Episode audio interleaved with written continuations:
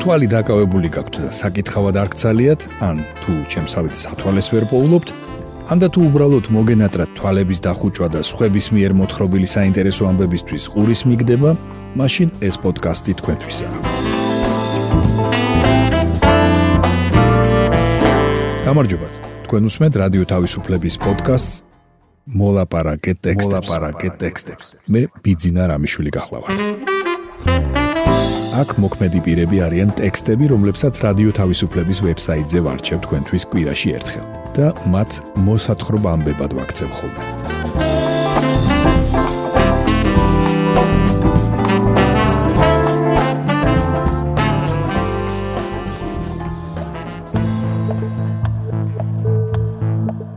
ვისაუბრებთ ვლადიმირ პუტინის წინააღმდეგ შეთქმულების შესაძლებლობაზე. მოგითხობთ იმაზე თუ როგორ ტოვებენ რუსეთს IT სპეციალისტები. შემოგთავაზებთ სტატიას კინორეჟისორ კოსტა გავრასის ერთი ფილმის შესახებ. მოისმინეთ სტატია კოლესნიკოვი ბრუტუსი კრემლში შეუძლებელია პუტინის წინააღმდეგ შეთქმულება არ გამოუვათ. მოწმე გავხდით რუსული ელიტის სრული ზნეობრივი დეგრადაციისა. ეუბნება რადიო თავისუფლებას ანდრეი კოლესნიკოვი, ნოვაე გაზეტას ყოფილი მართველი რედაქტორი. დღეს ის მოსკოვის კარნეგის ცენტრის რუსეთის შიდა პოლიტიკის პროგრამის ხელმძღვანელია. კოლესნიკოვთან ინტერვიუში ერთხელაც არ გაისმის სიტყვა ომი. ვაჟა თავბერიძე პრაღიდან რუსეთის დედაქალაქში დაუკავშირდა მას. რადიო თავისუფლება. მეხსიერებაში ჩამრჩა თქვენი ერთი მეტაფორა, სადაც რუსეთი წყალქვეშა ნავს შეადარეთ. რუსები კი ამ ნავზე ჩარჩენილ ხალხს, რომელსაც გასაქცევი არსად აქვს. ის მაინც თუ ვიცით, რა გეზი აქვს, საით მიდის ეს წყალქვეშა ნავი. In the town where I was born lived a man ანდრეი კოლესნიკოვი. უნდა გამოვთქვე, არ ვიცით საით მიუძღვება მესაჭ პუტინი ამ წყალქვეშა ნავს. არ ვიცით რა ხდება მისი გონებისა და სულის სიღრმეებში. ვიცით რომ ახლა უჩვეულოდ ემოციურია, ბნელი ემოციების ტყვეობაშია. კრემლის მთელი ელიტა ცდილობს გამოიცნოს რა არის პუტინის ამ ავანტიურის საბოლოო მიზანი, ამ სპეციალური ოპერაციისა, მაგრამ თითზე ჩამოსათვლელი არიან ისინი, ვინც კითხვის დასმას ბედავს. მოწმენი ხდებით რუსული ელიტის სრული ზნეობრივი დეგრადაციისა. იქნება ეს პოლიტიკური, ბიზნესისა თუ კულტურის ელიტა. ნიშნულ ნულს უახლოვდებით. ელიტა უბრალოდ ცდილობს რაც შეიძლება ღიად გამოხატოს საკუთარი მორჩილება პუტინისადმი და სრული მზადყოფნა მხარი დაუჭიროს მის ნებისმიერ ნაბიჯს. რადიო თავისუფლება. დასავლეთის ეკონომიკური სანქციები, რასაც თქვენ ბლოკადად მიიჩნევთ, უბიძგებს თუ არა ეს რუსებს პუტინის რეჟიმი გადააფასონ. ანდრეი კოლესნიკოვი არ ვარ დარწმუნებული, რომ ხალხი პუტინზე შეიცვლის აზრს, იმის ნაცვლად, რომ დასავლეთი და ამერიკელები დაადანაშაულონ ამ ყველაფერში. შემიძლია გითხრათ, რომ უმძიმეს ეკონომიკურ პირობებშიც კი რუსი ხალხი დასავლეთისკენ გაიშვერს თიც, როგორც მთავარი დამნაშავისკენ. იმიტომ რომ არ სურს საკუთარი თავი დამნაშავეთ, ბოროტების ნაწილად აღიაროს. რუსებს არ სურთ სინდისი კენჯნიდეთ. ისინი იტყვიან, ეს ყველაფერი დასავლეთის ბრალია. მათ ჩაგვაგდეს ასეთ დღეში და ეს მხოლოდ იმიტომ, რომ ჩვენს პრეზიდენტს დიადი რუსეთის აღდგენა სურდა. ამიტომ ჩვენი მხედართ თავრის გარშემო უნდა გავერთიანდეთ ამ ალყაშემორტყმულ ციხესიმაგრეში. ეს ერთგვარი სტოკჰოლმის სინდრომია, რომლითაც მთელი ერი არის დაავადებული და რომელიც გამორიცხავს რეჟიმის მიმართ მიდგომის შეცვლას. რადიო თავისუფლება დასავლეთის სანქციები თავს დაატყდათ რუს ოლიგარქებსა და კრემლის ელიტასაც. უნდა ველოდოთ თუ არა რომ გადარჩენის ინსტინქტი მაინც უბიძგებთ მათ პუტინის წინააღმდეგ წასვლა გარისკონ. უნდა ველოდოთ თუ არა ბრუტუს კრემლში რაიმე შეთქმულებას. ანდრეი კოლესნიკოვი ეს შეუძლებლად მეჩვენება. არც კრემლის ელიტასა და არც ოლიგარქებს არ შეუძლიათ რაიმე სერიოზული შეთქმულების მოწყობა პუტინის წინააღმდეგ. და იცით რატომ? იმიტომ რომ ერთმანეთს ოდნავაც კი არ ენდობიან. ასეთი ხალხი ერთად ვერ დადგება, როდესაც შიშობენ, რომ ნებისმიერ მამადგანმა ნებისმიერ მომენტში შესაძლოა თავის გადარჩენის მიზნით დანარჩენები გათქვას. ამიტომ ურჩევნიათ არაფერი იღონონ, რაც შეეხება უშუალოდ პუტინის ახლო წრეს, ისეთ ხალხს, როგორიცაა მაგალითად უშიშროების საბჭოს მდივანი და FSB-ს ყოფილი დირექტორი პატრუშევი, მათ რეალურად სწამთ იმის, რასაც პუტინი აკეთებს. ესენი არიან ძველმოდური იმპერიალისტები, სამყაროს ერთობ კონსერვატიული ხედვით ასე რომ პუტინში ხედავენ არამხოლოდ პოლიტიკურ ლიდერს, არამედ იდეოლოგიურ წინამძღოლსაც. რადიო თავისუფლება. და ბოლოს საქართველოსეც გითხავთ. რუსეთის მიერ გამოქვეყნებულ არამეგობრული ქვეყნების სიაში საქართველოს აღარ იყო. არადა წლების განმავლობაში მოწინავე პოზიციები გვეკავა. რას მოასწავებს ეს? ანდრეი კოლესნიკოვი შეიძლება ეს უბრალოდ ბიუროკრატიული შეცდომაა, რადგან ვფიქრობ, რომ საქართველოს რუსი პოლიტიკოსების თვალში ისევ რჩება ეგრეთ წოდებული ბოროტების ალიანსის ერთ-ერთ მთავარ წევრად და კომპონენტად. შეიძლება მთლად იმ დონეზე არა, როგორც უკრაინა, პოლონეთი და ბალტიის ქვეყნები, მაგრამ ის მაინც ბოროტების ალიანსის მუდმივი წევრია. საქმე ისაა, რომ ახლა რუსეთის ხელისუფლება საქართველოსთვის არ ცხელა. რადიო თავისუფლება. მიუხედავად იმისა, რომ საქართველოს ხელისუფლება ტყავიდან ძრება, ოღონდ რუსეთი არ გააღიზიანოს. ანდრეი კოლესნიკოვი. დიახ, არ ამგონია ამას რუსეთისთვის მნიშვნელობა ჰქონდეს. ისინი ტექნიკურ დეტალებს არ უღრმავდებიან. შესაძლოა რაღაც ცვლილებებს ამჩნევენ, მაგრამ ახლა ამის განხილვისთვის არ სწალიათ. შემდეგ იფიქრებენ. თქვენ მოისმინეთ ვაჟა თავბერიძის ინტერვიუ ანდრეი კოლესნიკოვთან. სტატიის ათაურია ბრუტუსი კრემლში შეუძლებელია. პუტინის წინააღმდეგ შეთქმულება არ გამოუვათ.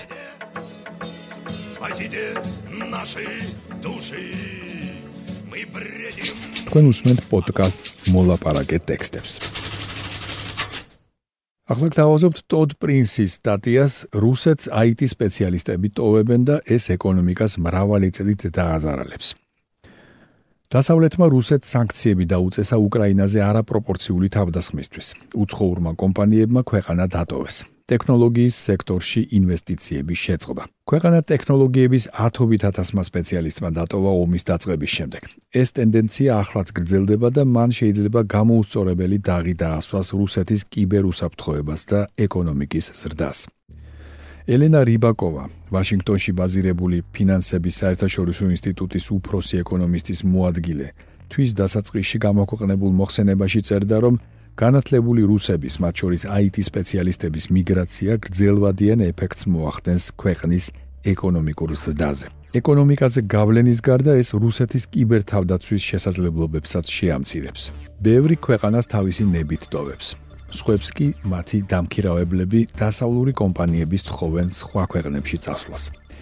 ტექნოლოგიური კომპანიები, რომლებსაც შეერთებულ შტატებში უდევთ ბინა, მაგალითად APAM და Data Art, ბელარუსიდან და რუსეთიდან ჩასულმა იმიგრანტებმა დააარსეს.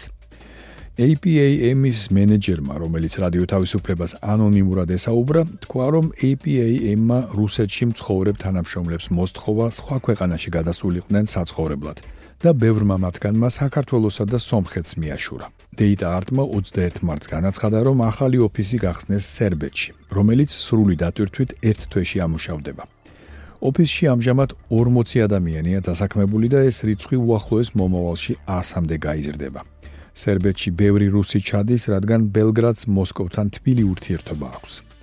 Data Art-ი ასევე ეძებს IT სპეციალისტებს საქართველოსა და სომხეთში, მათ ვებსაიტზე გამოქვეყნებული ვაკანსიების თანახმად.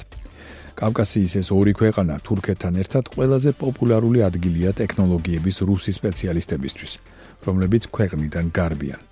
ამის შესახებ რადიო თავისუფლებას უთხრა პეტერბურგელმა ბლოგერმა ნიკოლაი შევჩუკმა, რომელმაც ტელეგრამზე შექმნა არხი უდალიონკა и რელაკაცია. დისტანციური მუშაობა და რელოკაცია. შევჩუკი ამბობს, რომ ეს ქვეყნები შედარებითი სიაფით და ვიზის მიღების სიმარტივითაა მომხიბლავი. რუსებს საქართველოში 1 წელი შეუძლიათ უვიზოთ ცხოვრება. სომხეთში 6 თვე და თურქეთში 2 თვე. ასევე რუსული ბევრმა იცის საქართველოშიც, სომხეთშიც და სტამბოლშიც. სომხეთის ეკონომიკის ministrმა ვაჰან კერობიანმა 1 მარტს განაცხადა, რომ ქვეყანაში 12-მდე რუსული IT კომპანია გადაბარგდა ამერიკული და ევროპული სანქციების თავიდან ასარიდებლად. ქართველი ოფიციალური პირების ცნობითაც, ერთი თვის განმავლობაში ქვეყანაში ათასობით რუსი, მათ შორის ტექნოლოგიის ბევრი სპეციალისტი გადავიდა საცხოვრებლად. ბევრი რუსი და ბელარუსი IT სპეციალისტი ისრაელში მიდის საცხოვრებლად. სადაც ტექნოლოგიური სექტორი ძლიერაა განვითარებული და რუსულადაც ბევრი ლაპარაკობს. თქვენ მოისმინეთ ტოდ პრინსის სტატია რუსეთს IT სპეციალისტები ტოვებენ და ეს ეკონომიკას მრავალი წლით დააზარალებს. თქვენ უსმენთ პოდკასტს მოლაპარაკე ტექსტებს. დაბოლოს მოისმინეთ გიორგი გვახარიას სტატია ზეტა цаრიელი ადგილი ხელმოწერისთვის. ეგ цаრიელი ადგილია ხელმოწერისთვის. ყველა შეგვიძლია დავტოვოთ ჩვენი კვალი და ასე მაინც გამოვხატოთ პროტესტი. აღნიშნა ბერძნული წარმოშობის ფრანგმა რეჟისორმა კოსტა გავრასმა თავისი შედევრის ზეტას ამერიკული პრემიერის წინ, როცა ჟურნალისტები ჩააცივდნენ კითხვით კონკრეტულად ვის გულისხმობდა ბატონ ზეტში და არის თუ არა მართლაც საბერძნეთი ის ქვეყანა ზეტი, სადაც ხდება ფილმის მოქმედება.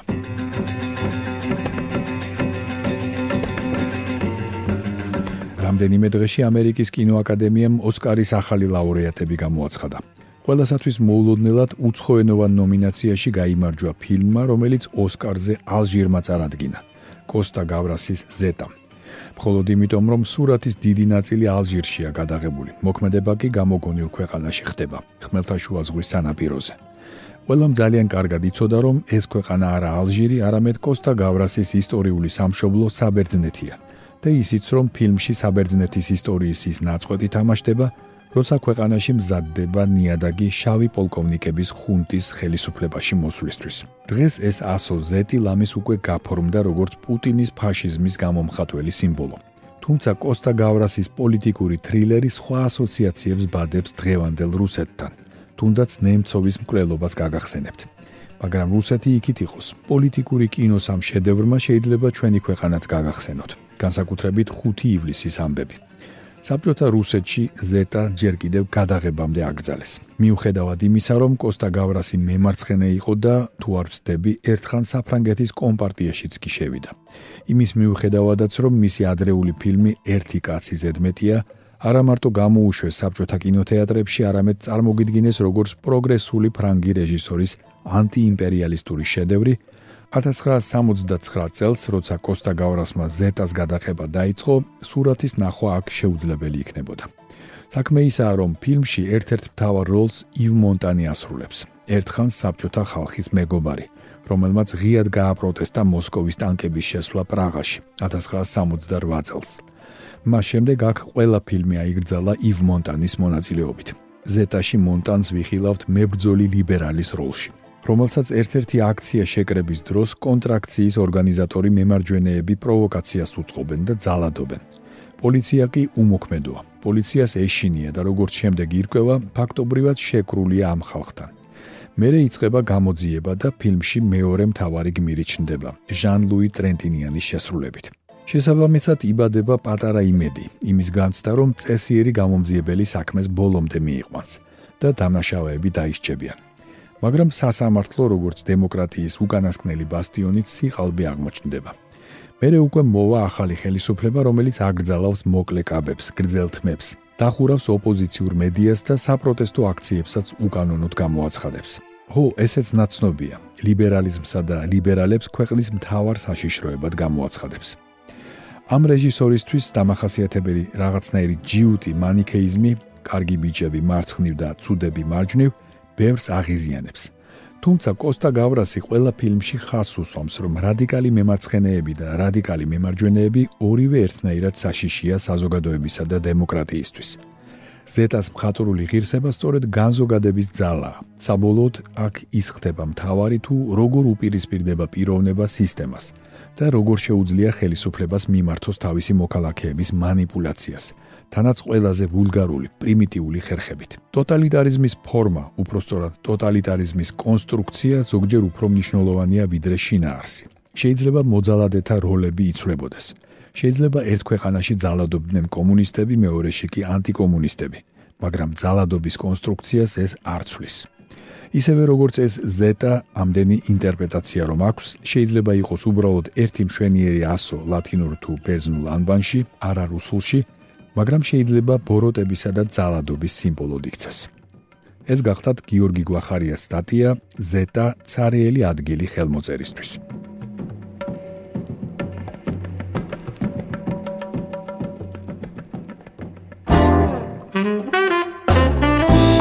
თქვენ მოისმინეთ რადიო თავისუფლების პოდკასტი მოლაპარაკე ტექსტები.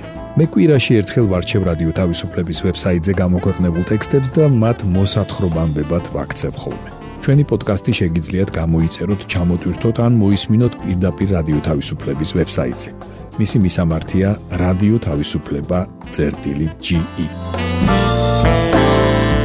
თუ ჩემი მიერ მოთხრობილი ტექსტები სრული სახით დაგაინტერესებთ, მათი მოძებნა იულია.